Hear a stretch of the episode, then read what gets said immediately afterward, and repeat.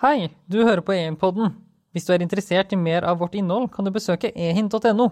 Hold av datoene for EIN 2022 den 8. og 9. november, og Helsedatadagen den 24. mai. Vi kommer også til Arendalsuka. Håper vi ser deg der. Velkommen til Ehin-podden. Mitt navn er Nertsrøs, og i dag snakker jeg med Shashad Rana. Um, vi står i en vanskelig tid i digitalisering. Vi ser at uh, veldig mye er uh, i gang på ulike fronter. Og vi ser også at noen ting stopper opp, og særlig spørsmål rundt helsedata viser seg til å være utfordrende. Ehin vil derfor sette søkelys i, på helsedata i noen flere podkaster. Um, fordi vi føler at uh, noen av de grunnleggende spørsmål rundt hva helsedata er, og hvordan vi skal lagre, håndtere, dele og analysere dem, ikke er godt nok avklart. Til det snakker vi i dag med som sagt Shazad Rana, som ble født i Karachi i 1967 og kom til Norge som åtteåring. Og er uh, kjent både samfunnsaktør, har vært politiker og har jo en lang tid i IT-bransje. Velkommen, Rana. Takk skal du ha, Nard. Det er helt riktig som du sier i introen, at jeg har jo vært hele livet mitt i IT-bransjen. Starta med det i spede start som tolvåring og koda på CPM-maskiner, Kaipro 1. med to floppy-stasjoner, der compileren var i den ene floppy-stasjonen, og koden som jeg lagde i den andre. Um, var innom MPM, som var multitasking-versjonen av CPM. Uh, og så kjørte du videre inn på PC-sida, og der har jeg vært.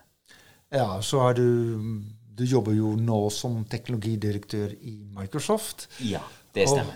Og, og det har du gjort en stund, men du har jobbet nesten hele ditt liv med Microsoft-teknologi. Ja, fordi at tilbake når jeg studerte på Blindern, så måtte jeg foreta et valg. Um, jeg hadde jo tre muligheter. Det var to av de jeg ikke hadde råd til mens jeg studerte. Um, den ene, Det jeg virkelig drømte om, det var jo Next Step til Steve Jobs. Um, han lagde jo en helt fantastisk maskin. På den tida der så kosta vel den nærmere 100 000 kroner. Så sto jeg da mellom to stykker. Den ene var da en god gammeldags PC. Eh, Windows 3.0 skulle lanseres. Og, og alternativet i andre enden var da OS2 fra IBM med PS2-hardwaren. Mm. Den, den, hadde ca. en prislapp på 60 000. Det var litt for mye i forhold til studielånet mitt. Så jeg endte opp med å kjøpe en Eriksson-PC til 40 000 eh, med 5 megabyte harddisk i den tida. Og da har jeg sittet og programmert. Eh, og Microsoft var utrolig flinke på den tida der med å tilgjengeliggjøre dokumentasjon, software mot utviklerne. Så det ble da min, min karrierevei. Det var Microsoft-teknologi på PC-verden. Og, og, dessuten så skjedde det et stort skifte. Eller det var i ferd med å skje et enormt skifte.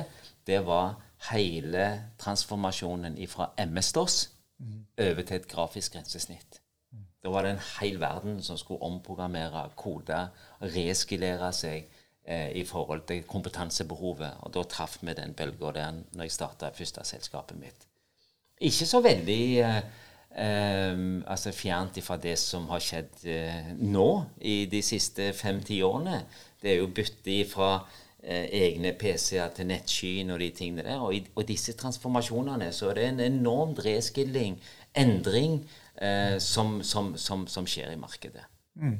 Ja, fordi, for IT-markedet har jo vært i utvikling helt fra du, du startet. Du ser en datamaskin hadde 5 megabyte som harddisk, og før det ikke det harddisk i det hele tatt. Nå er 5 megabyte knapt nok et bilde vi sender på, på nett.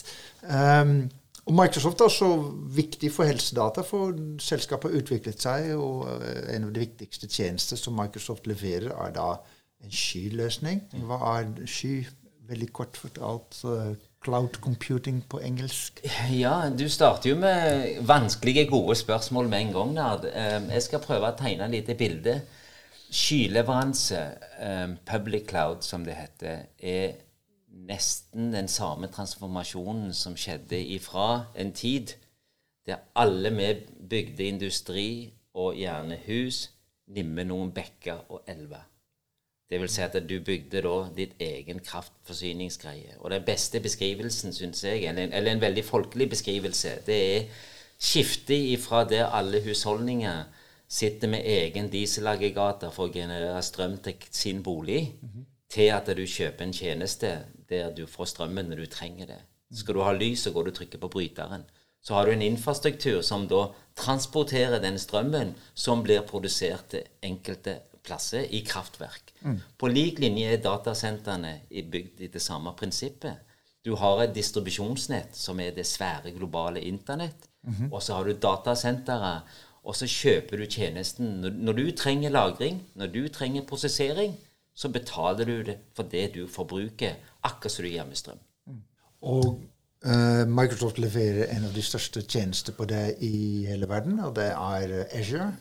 Det stemmer. Um, stor, Har du noen antydninger hvor stor dette er, eller hvor viktig eh, elementet er for Microsoft sin business? Oh, det er en vesentlig del av forretningsvirksomheten til Microsoft. Um, Microsoft, som mange andre av de globale selskapene, gjorde et, et stort bet.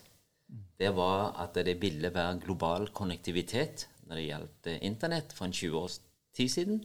Og så begynte de å investere massivt i da, å bygge den backbone-infrastrukturen. Mm. Som eh, vi nyter godt av, og som vi har nytt godt av under pandemien, f.eks. Mm.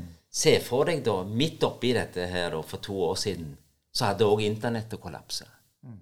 Og, og, det er jo en ingeniørkunst, eh, som, som, som, som, teknisk ingeniørkunst, at dette sveiv. Det at du da fortsatt kunne holde store deler av samfunnet i drift, mm var jo et stort bidrag fra teknologien og de globale skyleverandørene som da faktisk kjørte tjenestene for deg. Mm.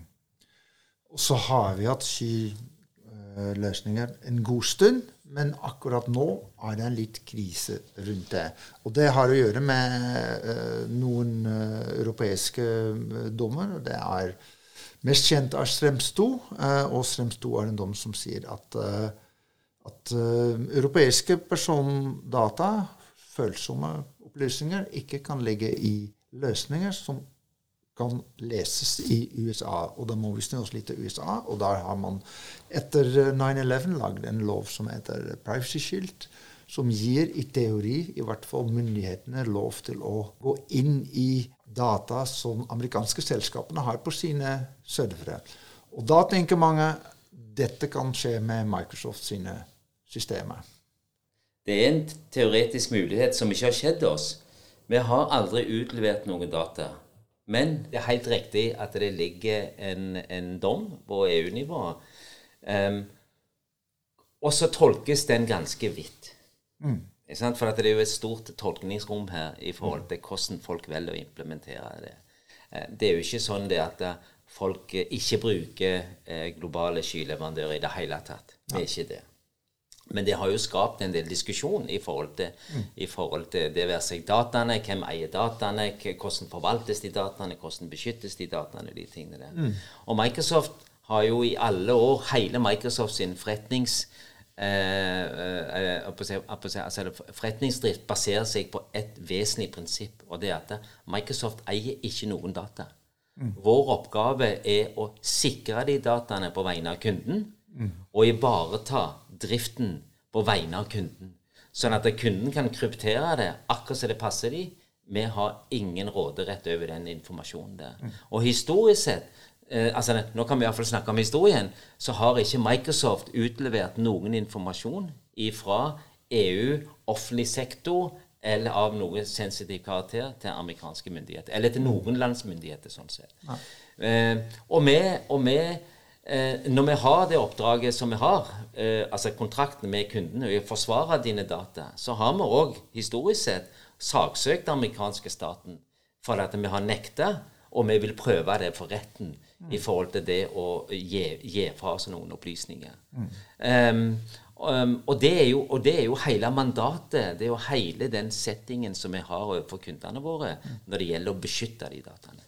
Ikke sant? og, og, og så er det en, en tilleggsbit som gjelder da Norge, og det er at uh, Helseanalyseplattformen, som er, i Norge da skal samle i først og fremst uh, data fra helseregisteret, og skal utvikle seg etter planen som en full analyseplattform for helsedata, har da inngått en avtale med Microsoft Azure for å bruke den til, som, som, plattform. Og nå har da både myndighetene og regjeringen fått kalde føtter og sagt nei. Vi setter den analyseplattformen på pause. Fordi vi ikke har løst problemene som ligger i Svensk 2. Og det er selvsagt ikke hyggelige nyheter for verken Microsoft eller andre store skyleverandører. Nei, men la meg prøve å ta en litt annen inngang på det. Um, altså, Nå er jo det en prosess som er pågående, sånn at jeg, jeg, jeg skal ikke kommentere den pågående prosessen. Men la, la meg bare reflektere litt prinsipielt nerd rundt det. Um, som norsk innbygger så må jeg si at det er jo veldig betryggende at vi stikker fingeren litt i jorda i ny og ne, og, og, og spør oss sjøl hva gjør vi for noe? Jeg, som norsk innbygger, så mener jeg det at det er norske myndighets oppgave å sikre mine rettigheter. Mm. Og, og, sånn sett eh, Det at den blir satt på pause så la oss da spørre et par ganger sjøl hva er det vi ønsker, hva er strategien, hva er det lange løpet? For at helsedata er jo på mange måter sensitivt, for all del. Mm. Um, så fordi at, Og det er jo det eh, som da var med helseanalyseplattformen. Så var det det at OK, nå tar vi en liten pause, og så ser vi på hvordan dette her utspiller seg. Og den prosessen pågår nå da med Norsk Helsenett eh, og E-helsedirektoratet. Så den skal få lov til å gi. Men jeg vil tilbake igjen til litt av den settingen. det at eh, Vi må jo putte ting litt i perspektiv, da. Fordi at eh, helsedataområdet er utrolig fragmentert. Det er så fragmentert at på ene sida så kan jeg som innbygger utlevere, sende genetisk informasjon uten noe beskyttelse. Mm. Og så på andre sida så sitter vi da med eh, pasientopplysninger som ikke vi klarer å bruke til bedre helsetjenester. Mm. Og så kan vi da altså, stille oss et retorisk spørsmål. Hvem eier egentlig helsedataene? Ja, og jeg kanskje jeg vil trekke spørsmål enda litt lenger tilbake. Ja. For det er jo det som, det som, er uheldig med den situasjonen var inne i, at det er veldig mye fokus på den stordommen mm. og hva som, som, juridisk ligger i det. Mm. Det er veldig mye fokus på, på, det, på, det, juridiske, på hvordan man skal løse dette her fra, fra juridisk uh, grunnlag. Og vi snakker kanskje ikke så mye om egentlig det hovedspørsmålet. Først og fremst hva er helsedata? Mm. Og, og, og, og, så mange etiske spørsmål rundt det. Hvordan vi skal forvalte dem uh, nå og i, minst i fremtiden, som uh, vil skape mye mer databaserte tjenester. Og hvordan kan vi bruke dem til å skape verdi for våre egne liv, våre pårørende, forskning, næringsliv osv. osv. Uh, og dette er heller ikke noe som bare skjer i Norge. Dette skjer i hele verden. Um, så jeg tenker den første grunnleggende spørsmålet er egentlig hva er helsedata? Det er et stort spørsmål. Altså, um, vi har den smale tolkningen. Mm -hmm. Og den ytterste smale tolkningen er at å, det, det er uh, pasientjournalen min. Ja. Altså, den, den, er veldig snever, og den er ganske smal. Det som er pasientjournal er, ja. betyr også at det er produsert av klinikere. For det er de som skriver da dine ord ned i en digital løsning. Ja, ikke sant? Og så har vi hatt da mange forsøk mm -hmm. på å på ja, én eh, innbygger, én journal. Mm -hmm. Jeg vet ikke hvor mange journaler jeg har i dag. Nei. Det tror jeg ikke noen vet. Nei. Mest sannsynlig så er det like mange journaler som ulike typer behandlingssteder du har vært på. Ja. Um, så, så, men og den vide eh, tolkningen av helsedata Vet du ikke, Det er utrolig mye av min atferd, av mine spisevaner, i livsstil, kosthold, eh, treningstype ting.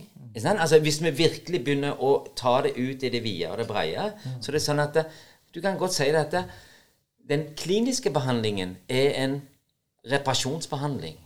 Den forebyggende delen Altså verdien i helseopplysninger på hvordan jeg lever livet mitt.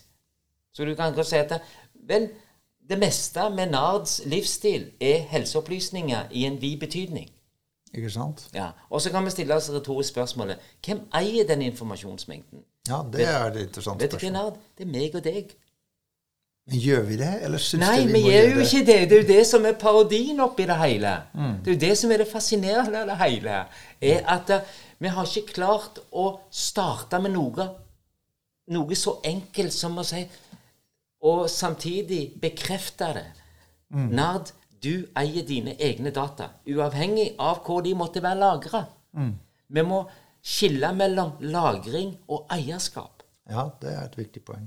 Vi har ikke kommet der engang. Nei, nei, vi har ikke avklart hva som er helsedata. Vi, I Norge og mange andre snakker vi altfor mye om de kliniske pasientjournalbaserte dataene. Ja.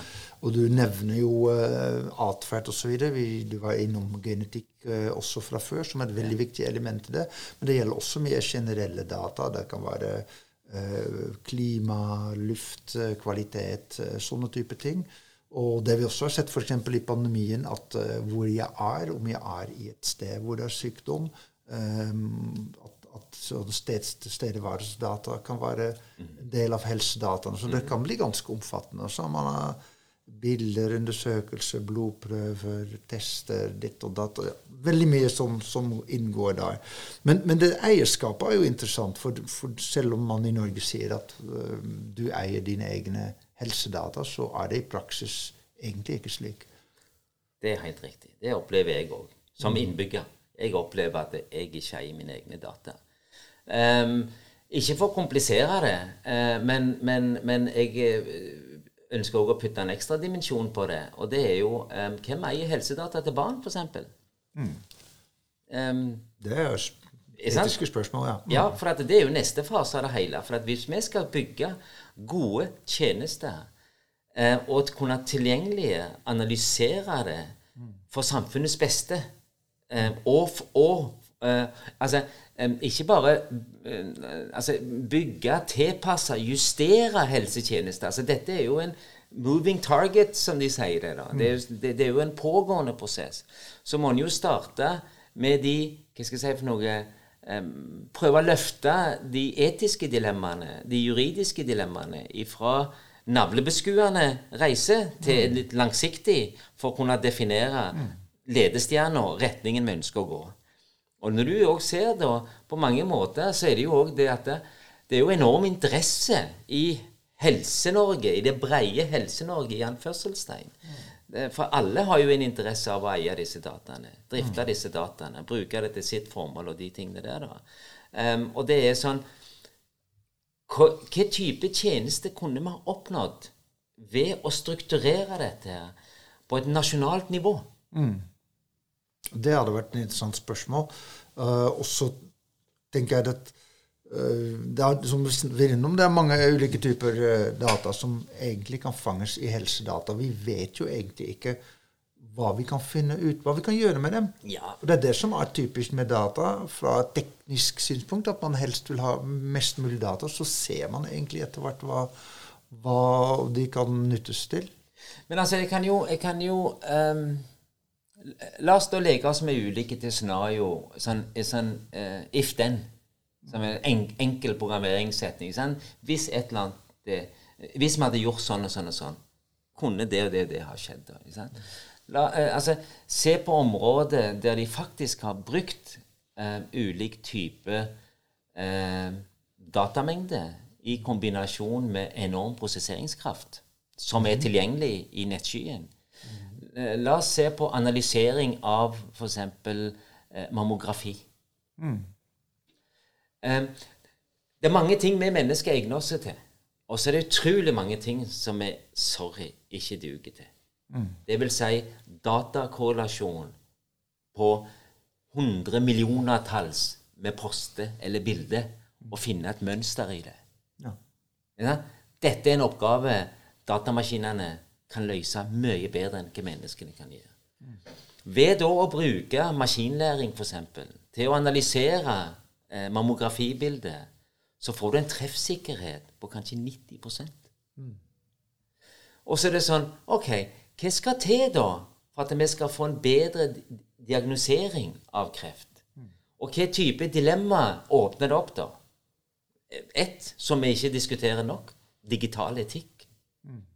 Ja? Hvor er etikken inni dette her, da? Sånn at jeg kan si altså, altså, mm, Jeg vil driste meg Muligens jeg er litt sånn sleivete nå, da, men jeg, jeg, jeg, jeg velger å driste meg til den retningen det at mye av de stopp- og gassprosjektene vi har hatt i Norge ikke sant? Altså, Ja, nå skal vi ha det, og så er det bånn gass, og så er det bråstopp, og så er det på'n igjen hele veien.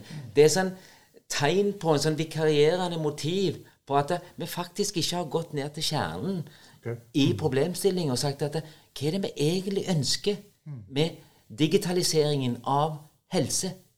Ikke sant? Og det er jo da også i den situasjonen vi har nå et spørsmål. Er det, er det problemet problemer med det juridiske og USA og Europa, eller er det andre ting vi på en måte ikke har fått avklart? Nei, altså det er jo rens, altså det, det kan jo nesten spekulere i hva som helst. ikke sant? Hva eventuelt ville da ha vært en vikarierende motiv ved å sette noe på pause? Ønsker de noe annet? Var det beslutninger som ble tatt før de kom inn i en rolle, og nå, skal, nå ønsker de en omkamp? Jeg vet ikke. Jeg vet Nei, ikke. det er ting man kan spekulere i, men selve spørsmålet er at vi eller vi har kanskje i Norge ikke gått dypt nok i spørsmålet hva helsedata er, og hvem som eier dem, og hvordan vi skal bygge en god teknologi, teknologisk modell på toppen av det. Hvordan skal vi bruke det til samfunnets beste? Ivareta individets sikkerhet? Eh, Hva er nytteverdien på det? Hva er etikken? Etiske dimensjonene rundt dette her? Og ikke minst em, Klarer vi, evner vi å endre vår måte å drive helse på, basert av kunnskapen som vi lærer gjennom dataprosesseringen? Er du med? For de to tingene må jo henge litt i sammen. For at det kan ikke være sånn at nei, jeg fortsetter å drive helse og medisinen sånn som jeg har holdt på å gjort i hundrevis av år, selv om empirien, eh, eh, evidensen, viser at vet du hva, det kan ikke du gjøre. Så at det, det har litt grann i en sånn symbiose å gjøre. eh, Og samtidig òg litt, eh, litt det der med Ok, hvilken rolle skal myndighetene ha? Hva skal vi beskytte? Hva er viktig? Eh, På ene sida så ønsker vi jo da å ivareta Si at ja, men dette kan vi ikke gjøre. eh, eh, fordi, fordi at det sånn og sånn eh, kan noen få tilgang på det. Og på andre sida, meg og deg som innbyggere, vi kan jo gjøre akkurat hva vi vil med. Du har helt sikkert sendt genetisk informasjon, du, om deg. Ja. Genetikk er noe av det mest sensitive, mest beskrivende av Nard som person. Ja, nei, jeg har mine data i 23andMe i USA, for Ja. og der kan man forske på mine genetiske data. Men når jeg kommer med det datasettet til Norge og sier vær så god, Norge, Ja. er det noen her som vil eh, forske på det, så sier man nei, vi har ikke en løsning for det. Nei, ikke sant? Også, og det er jo en enorm spennvidde der, da. Ifra alt til null. Fordi når man snakker f.eks. om dette med Slemsto og, og muligheten at en amerikansk president skulle komme inn og skulle titte på norske helsepasientjournaler, den sjansen er veldig lite, veldig teoretisk. Og hva i all verden skal man i så fall se? Det er den ene side, og den andre side er det som du skriver, hva er nytteverdien av å kunne bruke disse dataene på en fornuftig måte? og skape bedre diagnose, bedre behandling, bedre forståelse av eh, egen helse, og ikke minst en bedre forebygging av sykdommer. Eh, altså, nå, nå putter du ting i veldig god perspektiv. ikke sant? Ja, du har en teoretisk risiko på ene sida, eh, men putter det i perspektiv. Og så må du si at ok, inn, innenfor den teoretiske risikoen, hva andre nytteverdier får jeg som ikke jeg har? Altså, Vi har nå hatt en, en, noen hva skal altså Det er et godt uttrykk. En awakeness i, i, altså i forhold til at uh, Nortura ble hacka, og andre typer altså Choice ble hacka. Og jeg skal love deg, er det noen som virkelig bryr seg om god sikkerhet i Choice-systemet, så er det ikke bare ledelsen. Det er til og med de ansatte. Er du med? Så uh, hva type sikkerhet gir du da ved å putte eventuelt da i, altså, i et Microsoft datasenter? Microsoft har 6000-7000 sikkerhetsingeniører som ikke har noe annet som arbeidsoppgave enn å passe på med det siste av teknologi deres kundesdata.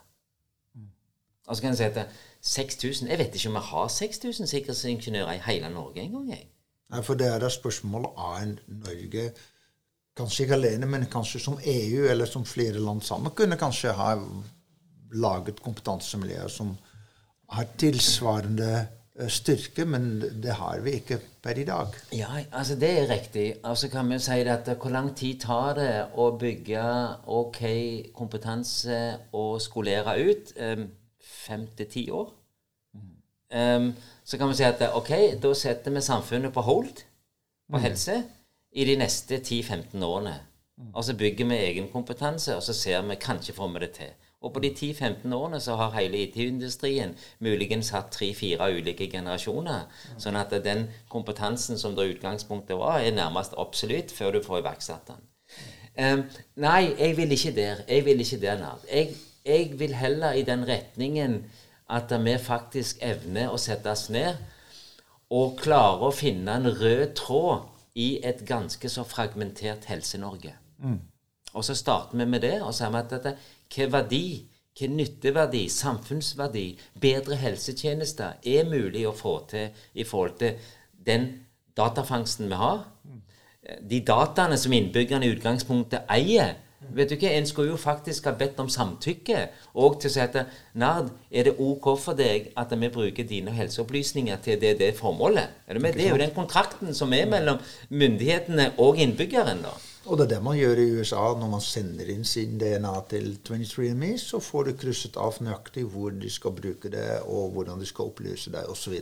Ja, fordi at i dag er det jo sånn at hvis du er på reise i Stavanger eller Sandnes og havner da på sykehuset i Stavanger, så har de helt sikkert en egen liten journal uh, i en eller annen liten kategori der, for det er da Helse Vest. Mm. Eh, I forhold til hva du var i Oslo, da. Og det er jo nesten ikke noe synkronisering mellom de at det gjør noe, da. Um, og de opplysningene må jo transporteres. sånn at det, i grunnen så burde en jo ha starta med det der overordnede arbeidet. Vet du ikke? Alt av helseopplysninger som ligger i de ulike typer systemene. Og de tror jeg ikke det får av. De må korreleres på et, på et, eller annet vis, og vi må få et samtykke fra de menneskene det angår. Og så kan vi starte prosessen med å si at vel, de helseopplysningene her, folkens, de skal vi bruke med samtykke fra innbyggerne til innbyggernes beste sjøl og for samfunnsinteresse. Mm. Og det er et interessant utgangspunkt, for det burde være utgangspunkt for å bruke helsedata. Nettopp hva er nytteverdien av å samle den? Og nå er jeg i ulike fora og snakker med mye folk om helsedata. Jeg får det som følelse at man ikke helt skjønner Man er jo litt uh, ikke veldig tydelig definert, men at det er mange som ikke skjønner hva datasystemet, dataene, samlet sett kan gjøre for å hjelpe oss videre. Uh, og sannsynligvis har gjort det for lengst når det gjelder kreftforskning og en del andre ting. Har du noen mulighet å synliggjøre hva, har skjedd siden du begynte med Microsoft, og hvor er vi nå i prosessering og analyse av data? Og hvor er vi om de 20 år, og hva går vi glipp av hvis vi ikke bruker de mulighetene? Ja, altså, la meg, la, altså Nå skal jeg prøve i, Eller okay, jeg håper for lytterne at det i alle fall virker troverdig, men jeg skal i alle fall prøve å være upartisk. Mm -hmm. um, det vi ser da Gitt det scenarioet der du faktisk kan sende dine helseopplysninger er, er, er, ut når det passer deg, Nard, eh, og gitt den konsumentelektronikken vi som privatpersoner bruker i dag, det være seg Fitbit eller det være seg en del av de andre sensorikkene, så har jo vi som, som, som, som privatbrukere eh, nærmest bedre telemetri av vår egen kropp enn ikke nødvendigvis sykehusene har i det daglige livsløpet. Er du med? så kan du si det at um, og, og, for de som har ok økonomi, som da ser en tjeneste på nettet eller leser om en tjeneste, så kan jeg si at vet du hva Jeg vil at de helseopplysningene skal noen proffe folk en eller annen plass i utlandet bruke. For jeg får bedre tjeneste. Og jeg får bedre guidance på hvordan jeg skal endre atferden min. Mm. Den type ting finnes jo knapt da. Um, og så kan du si at hva type innovasjon er det som skjer her, da? Er du med? Mm. Jeg, jeg, er jo der at jeg er villig til å, å levere telemetrien på hvor mange skritt jeg går, hvilken puls jeg har, hvordan jeg sover, og alle de tingene der, med telemetrien i forhold til treningsaktiviteten jeg holder på med, da. Um, eller det være seg f.eks. SATS, der jeg er medlem. Så at, vet du hva, en eller annen rådgiver i SATS, du har full tilgang. Jeg vil at du skal bygge et treningsprogram for meg med den datakunnskapen du har. Er du med? Så da får du skreddersøm på, på livsstil tilpassa atferd. Og så sier jeg at vet du hva, jeg har økonomi til å betale for det. Hva skjer da? nå? Jo, da får du et A-lag og B-lag. Du får A-tjeneste, og du får B-tjeneste. Og du får tjeneste som er med og rådgir deg og forebygger i det lange løpet. Og så har du de reparasjonstjenestene som da du da kan gå Nei, jeg, jeg, jeg må på akutten. Fordi de- Ja. Og så kan du putte en tredje dimensjon inn i det bildet. Og det har med velferdstjenester å gjøre.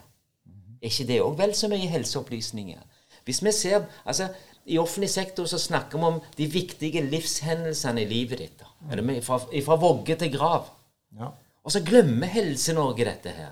Ja, Fra det- vogge til grav. De ser bare på arven din, eller hva det er for Ja, og så kan vi si det at um, Ok, um, hva type mulighetsrom er det her? Og nå legger jeg til grunn at jussen ivaretas, at beskyttelsen ivaretas. Det mener jeg kan vi løse.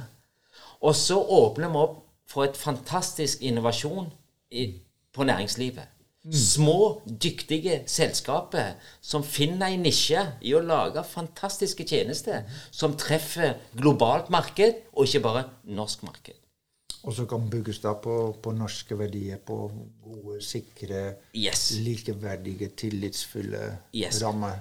Så jeg vil si at eh, offentlig Helse-Norges behov for en digitalisering og en, og en fornying gjort på riktig måte er beste næringsutviklingen vi kan ha. Men da må vi evne å starte denne dialogen. Eller, altså Nå har vi jo starta den, da, nær, da. Men, men da må vi evne å ta de skrittene. Og så må vi legge vikarierende motivene, egeninteresse til sides. Og så må vi da eh, altså, fokusere på hva det er vi egentlig vil. da. Og så spør du eh, ja, men hva er det som skjer sånn som i Microsoft. da? Eh, du starta med at eh, jeg har vært lenge i bransjen. Du vet, når jeg starta første selskapet mitt på begynnelsen av 90-tallet, så, eh, skulle vi- så tenkte vi å nå skal det være Norge først og ditten og datten. Og så etter noen år så valgte vi å starte et kontor i København og i Stockholm. Så fløy vi ned der og kikka etter lokalet. Vi skulle ansette noen folk. Og så bomma vi da selvfølgelig på feilansettelse og den type ting. Men det tok da kanskje tre-fire år. I dag, med nettskyen, med public cloud, og den reisen som gründere har i dag, da, når de skal eh, tenke forretningsutvikling, det er sånn Dag én en idé. Dag to så er du, er du eh, oppegående, for at du trenger ikke noen infrastruktur. Alt finnes i nettskyen. Og dag tre så adresserer du et globalt marked. Og tjener du penger på det. Yes. Og får du ut Ja, ikke sant? Tenk deg det. Så initielt sett, alt det som kan lages av teknologi, bygd på de globale plattformene Og hvis det treffer markedet, så er det et globalt marked du adresserer. Men det er jo fantastisk på den ene side. På den andre side er det jo veldig imot helsesektorens måte, tradisjonelle måte å tenke på. For man har jo det behovet for kvalitetssikre og ha forskning og ja, evidence og bevis at ting fungerer. Og, ja, la, meg, la meg ta et annet eksempel. Vi er jo forhåpentligvis nå i slutten av en ganske brutal pandemi Ja. som verden aldri har sett maken til i, i, i, i moderne, moderne tid. da.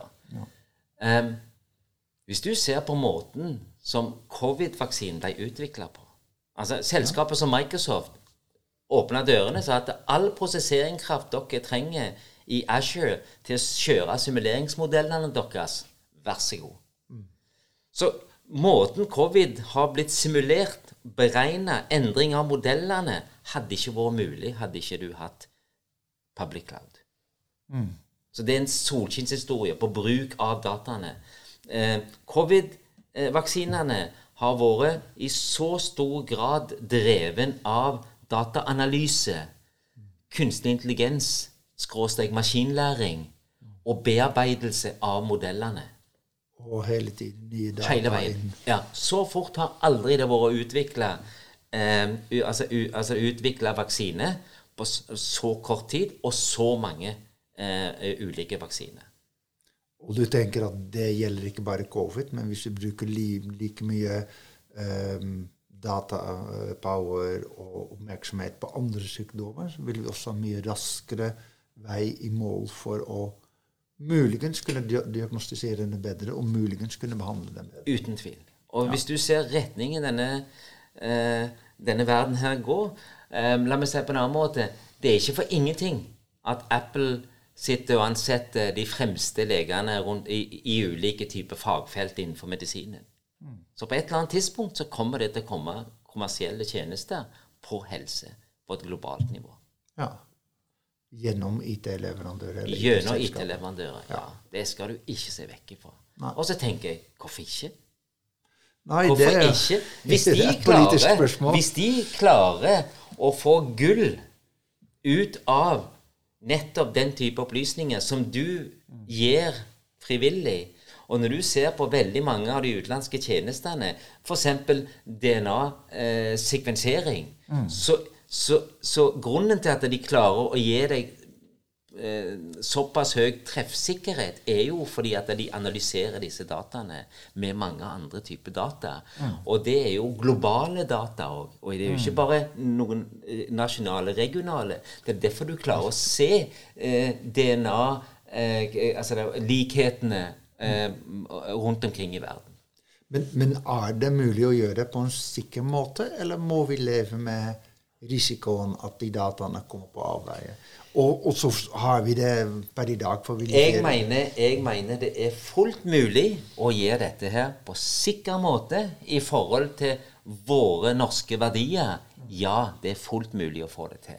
Men da må vi sette oss ned og diskutere i forhold til hva er viktig. For husk på at det, eh, Microsoft gjør ikke noe annet enn en- en- Jeg skal bare prøve å gi en billig beskrivelse. Det Microsoft har, det er et svært, svært hvelv, Fort Knox-hvelv, som vi ønsker å beskytte for deg. Vi mener at pengene dine, eller ikke bare meg, sikkert du òg og mange andre, mener at, altså, at pengene dine er sikrere i banken. Det er ikke sånn at bankansatte går og lusker rundt i dine penger og stjeler ifra, ifra, altså ifra din konto, enn at du har det i madrassen. På lik linje er datasentrene. Vi mener det er sikrere for deg å ha dataene i våre datasenter enn at du har en Post-It-lapp med passord, og du har en backup eh, USB-disk liggende i en skuff og sånt. For den ideen at hvis en surfer står ned i et sykehus, så er det tryggere enn i skyen, det er jo Nei, det vil jeg eh, på det sterkeste hevde er litt misforstått. er misforstått. Ja. Um, eneste måten den serveren er tryggere på, er at du kapper navlestrengen til alt som er fysisk påkobla den serveren. Ikke sant? Alt, Da er den like trygg. Han er ikke nødvendigvis tryggere. ja. Og det gjelder for så vidt også når vi kjører på veiene, så må vi ta en viss risiko. Hvis vi skal ha ikke noen ulykker, så må man på en måte kutte ut all trafikk. Ja, da syns jeg vi skal stå stille. Eller sitte stille. Sitte stille, ja. Du, eh, nå, nå holder jeg på som mange andre nordmenn å se på andre sesong av Lykkeland, som handler om det norske oljeeventyret. Og du har jo eh, hatt en betydelig del av livet ditt i Stavanger-området. Jeg vet ikke hvor mye du har opplevd den, det oljeeventyret på det tidspunktet. Nei, jeg var nok ganske ung når jeg eh, kom til Norge, eller til Sandnes-Stavanger-området. Jeg var jo åtte år gammel da. Det var i 76, og det var jo akkurat i boomen. Akkurat den bryten, Ja, ja, det var det jo. Men, det, eh, men, men det, det som det var stor hjelp til, var jo for min egen far, som i utgangspunktet var advokat fra Pakistan, og som ikke kunne Altså, juss er veldig landsbestemt da. Eh, og han hadde ikke sjans da. Så han, eh, til slutt så fikk han seg jobb da i, i et engelsk oljeselskap. Um, for at det, det ble hans inngang. Han kunne ikke norsk heller. da. Så, så, så for all del, familien og hele oppveksten har jo utgått av, av eh, den, den utviklingen der. Men det første oppdraget jeg hadde programmeringsmessig, eh, det var jo for eh, BP i sin tid. Ja. Jeg lagde da en sorteringsalgoritme og en, og en, og en, og en kartotekdatabase. For at det de brukte på stormaskinen, det var hullkort. Ja. Um, så da lagde jeg da eh, et system som da eh, strukturerte da den, all den hullkortinformasjonen. da. Men, men, men nøkkelen der òg var jo data. Var data. Ikke sant? Og, og det, det er fordi nå har ikke den serien kommet i, i den digitale verden, i hvert fall ikke øh, så, så langt, jeg har sett. Men, men Norge har jo greid å ta en internasjonal bransje til seg og bygge veldig mye um, teknologisk innovasjon uh, rundt det. Og, og, og så snakker man om helsedata som den nye olje. Og det er noen som sier jo, men kan vi ikke se på hva som har blitt gjort med, med, med olje og den teknologien? Kan vi ikke gjøre noe sånt rundt helse og, og, og helsedata? Um, ja, det kan vi gjøre. Jeg ønsker å f både utvide det begrepet der, og det andre så er det én ting um, som jeg ønsker å, å, å bidra til å knu, knuse en myte. Eh, fordi at det er et narrativ i norsk offentlig sektor, iallfall på politisk nivå, og muligens òg på, eh, på embetsverknivå. Og det er det at eh, de går rundt og sier at eh, ja, men vi vil ikke at eh, store amerikanske aktører skal komme og stjele olja vår Nei. når det gjelder data. Og så sier jeg at vet du hva, da har de misforstått. Sorry, det er feil narrativ. Ingen stjeler noe som helst. Nei. Men det vi snakker om, og modellen er jeg helt enig med deg i, det er det, det er ikke sånn at data er en fysisk vare. Når du tar de fra en plass og bruker det en annen plass, så har du brukt opp den varen. Tvert imot. Data er en type vare. Digital data er en vare som bare blir bedre og bedre og mer og mer presis jo mer du bruker og, eh, og jobber med det. Sånn at, eh, Og så til helsedata. Jeg har lyst til å bruke det til enda mer. Jeg har lyst til å snakke om hele norsk offentlig sektor. Jeg sitter nå eh, i en arbeidsgruppe som da skal jobbe, se på innovasjonsmuligheten i all offentlig data.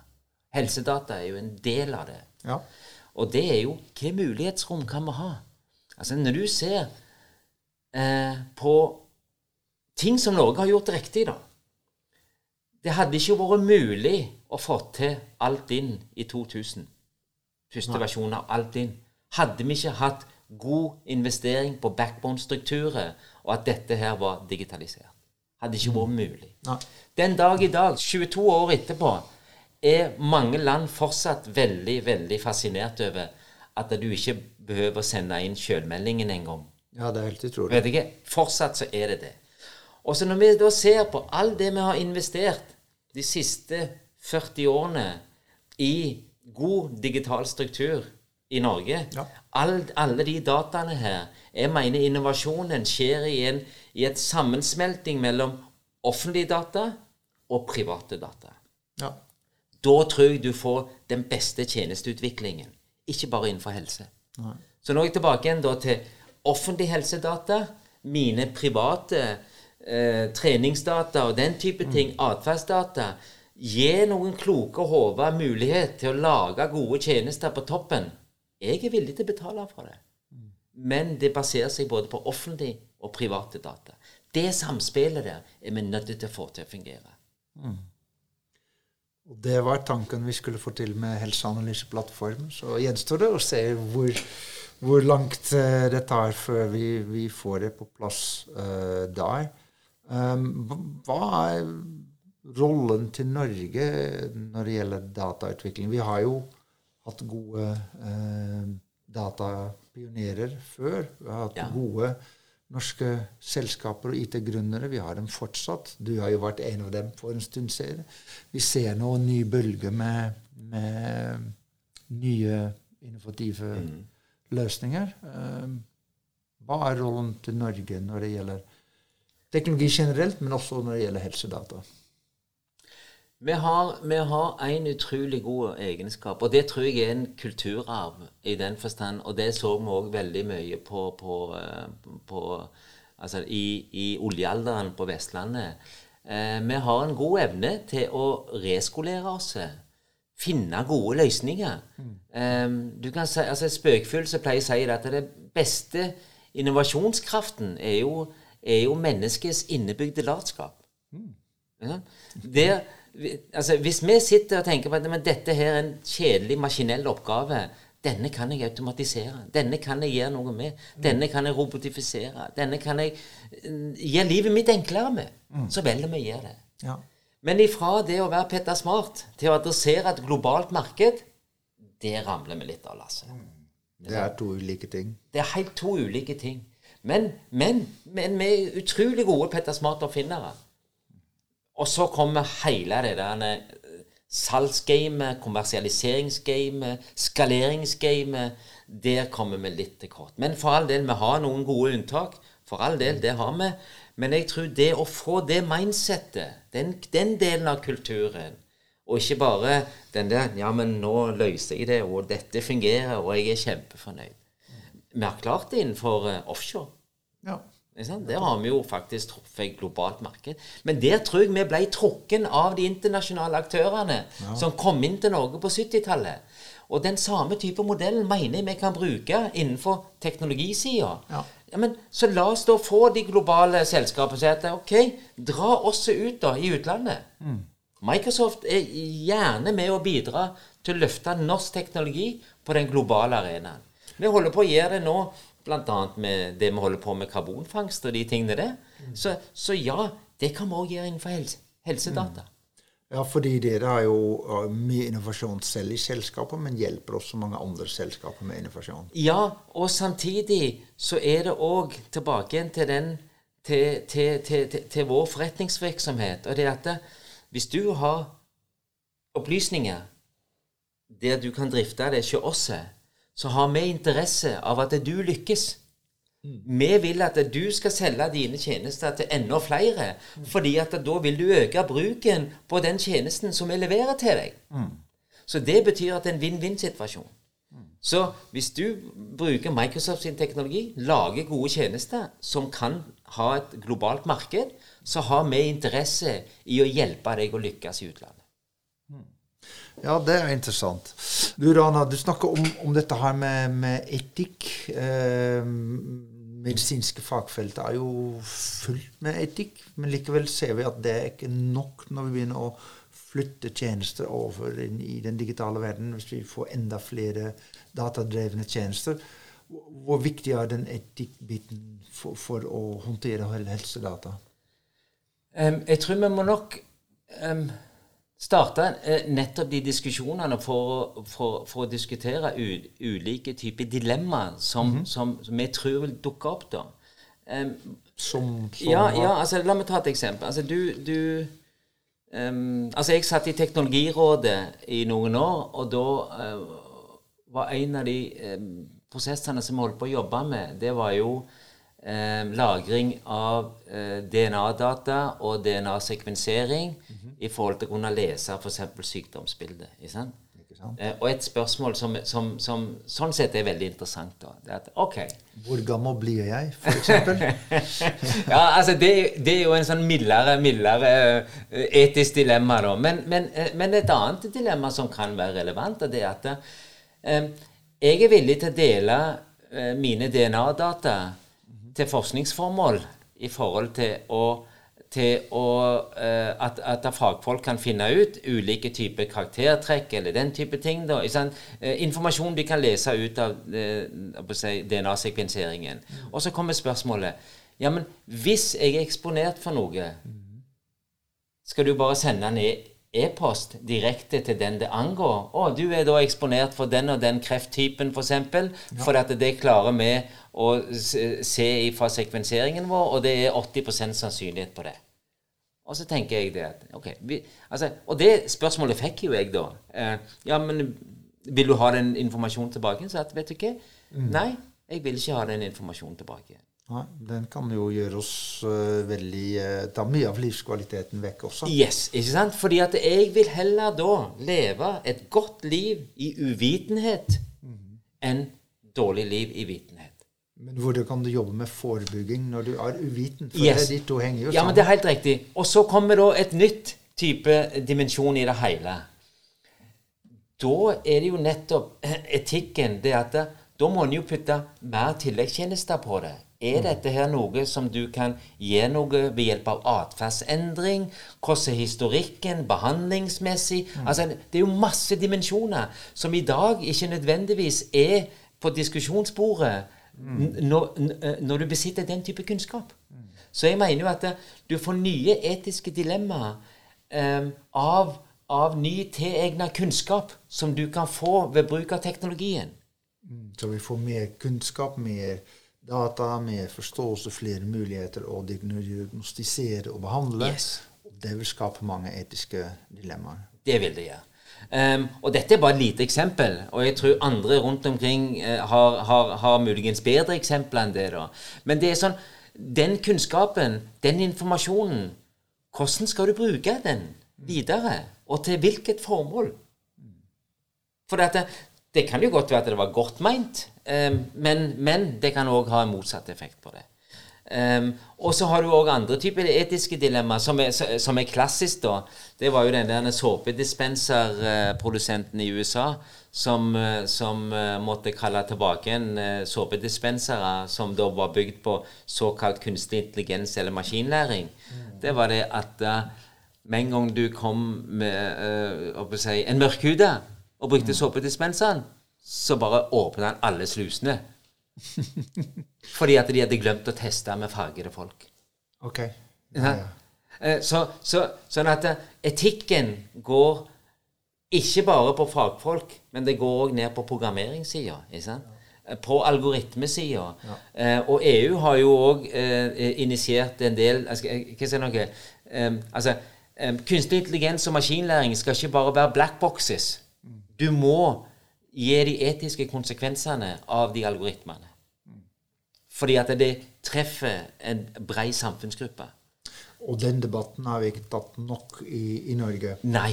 Sånn at vi har ikke Jeg syns ikke vi er i nærheten av å diskutere etisk eh, dimensjoner rundt kunstig intelligens og maskinlæring. Eller faktisk eh, La meg gjøre det litt mer generelt. Etisk, eh, altså etiske dilemmaer ved mer og mer datadreven eh, tjenesteutvikling. For det, er, det er et bredt, bredt område som må diskuteres mer. Og er det andre land eh, hvor man tar den diskusjonen på høyere plan? Det vi kan lære av, hvor vi kan se Ja, altså det, Jeg, jeg syns EU, EU har iallfall initiert, så, jeg, så, så, så, der er det absolutt mye å lære. Um, og, og, det har jo litt òg med samfunnsstrukturen å gjøre. ikke sant? Jeg, jeg, mener Norge er et veldig godt klima til å diskutere den type problemstillinger. Og det er jo ikke alle land som har det samme mulighetsrommet.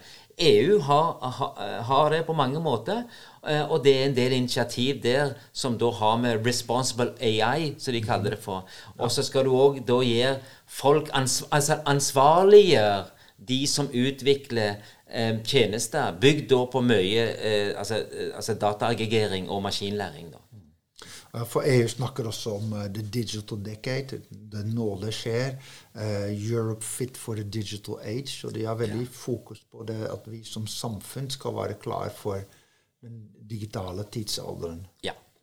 Og det har vi sett mye av også i Norge, men kanskje akkurat ikke nok?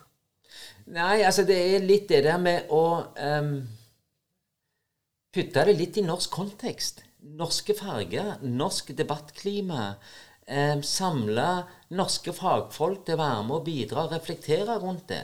Vi, vi, vi hadde jo eh, muligens eh, starten på en sånn diskusjon, eh, men den eh, landa jo, eh, ble jo aldri ferdig. Den stoppa opp. Og det var i forhold til smittesporingen. Mm, ja.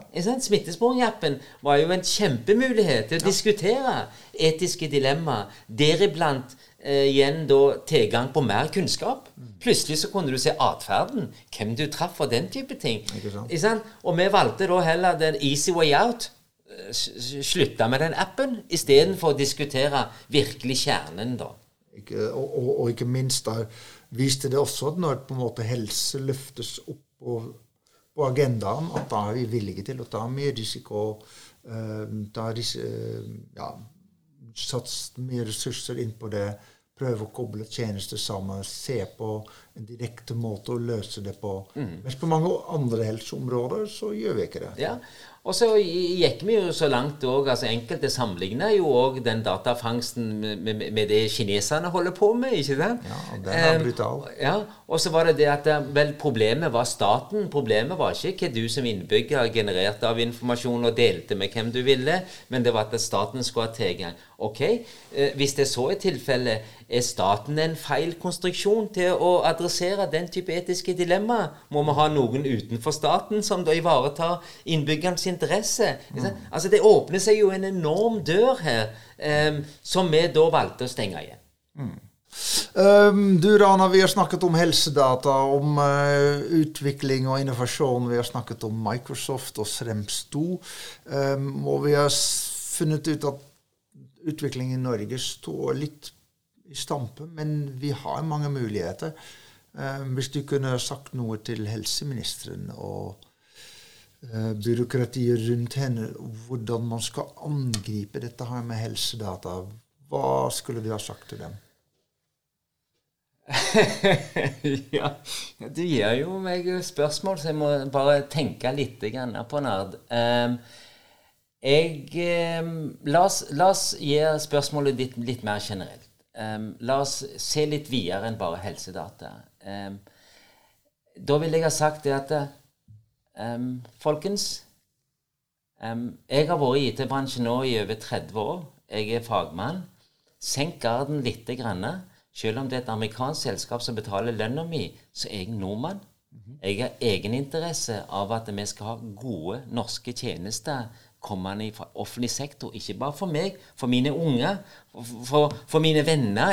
Som, som nordmann. Inviter oss til noen gode samtaler.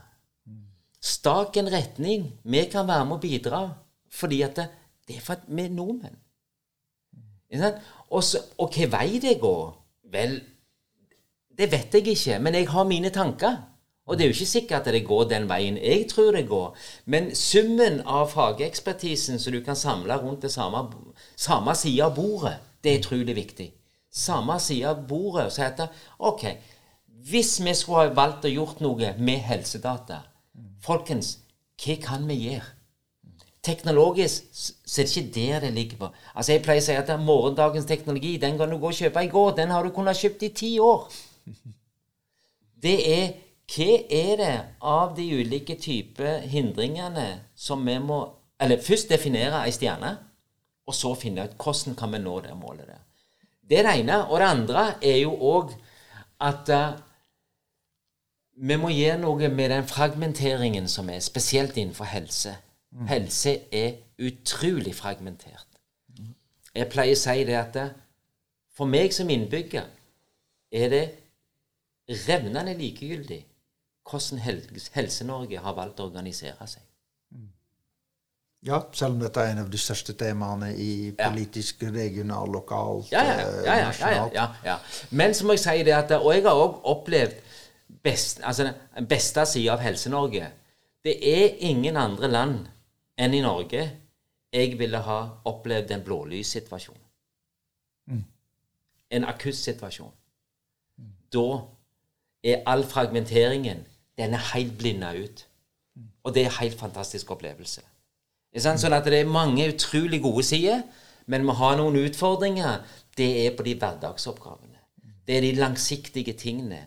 Ikke, ikke akuttsituasjonene, men de lange løpene. Det er det vi må sitte og diskutere. Shazad Rana, teknologidirektør i Microsoft. Eh, tusen takk for eh, dine innspill. Er vi ferdige allerede? Jeg har jo så vidt begynt, jo.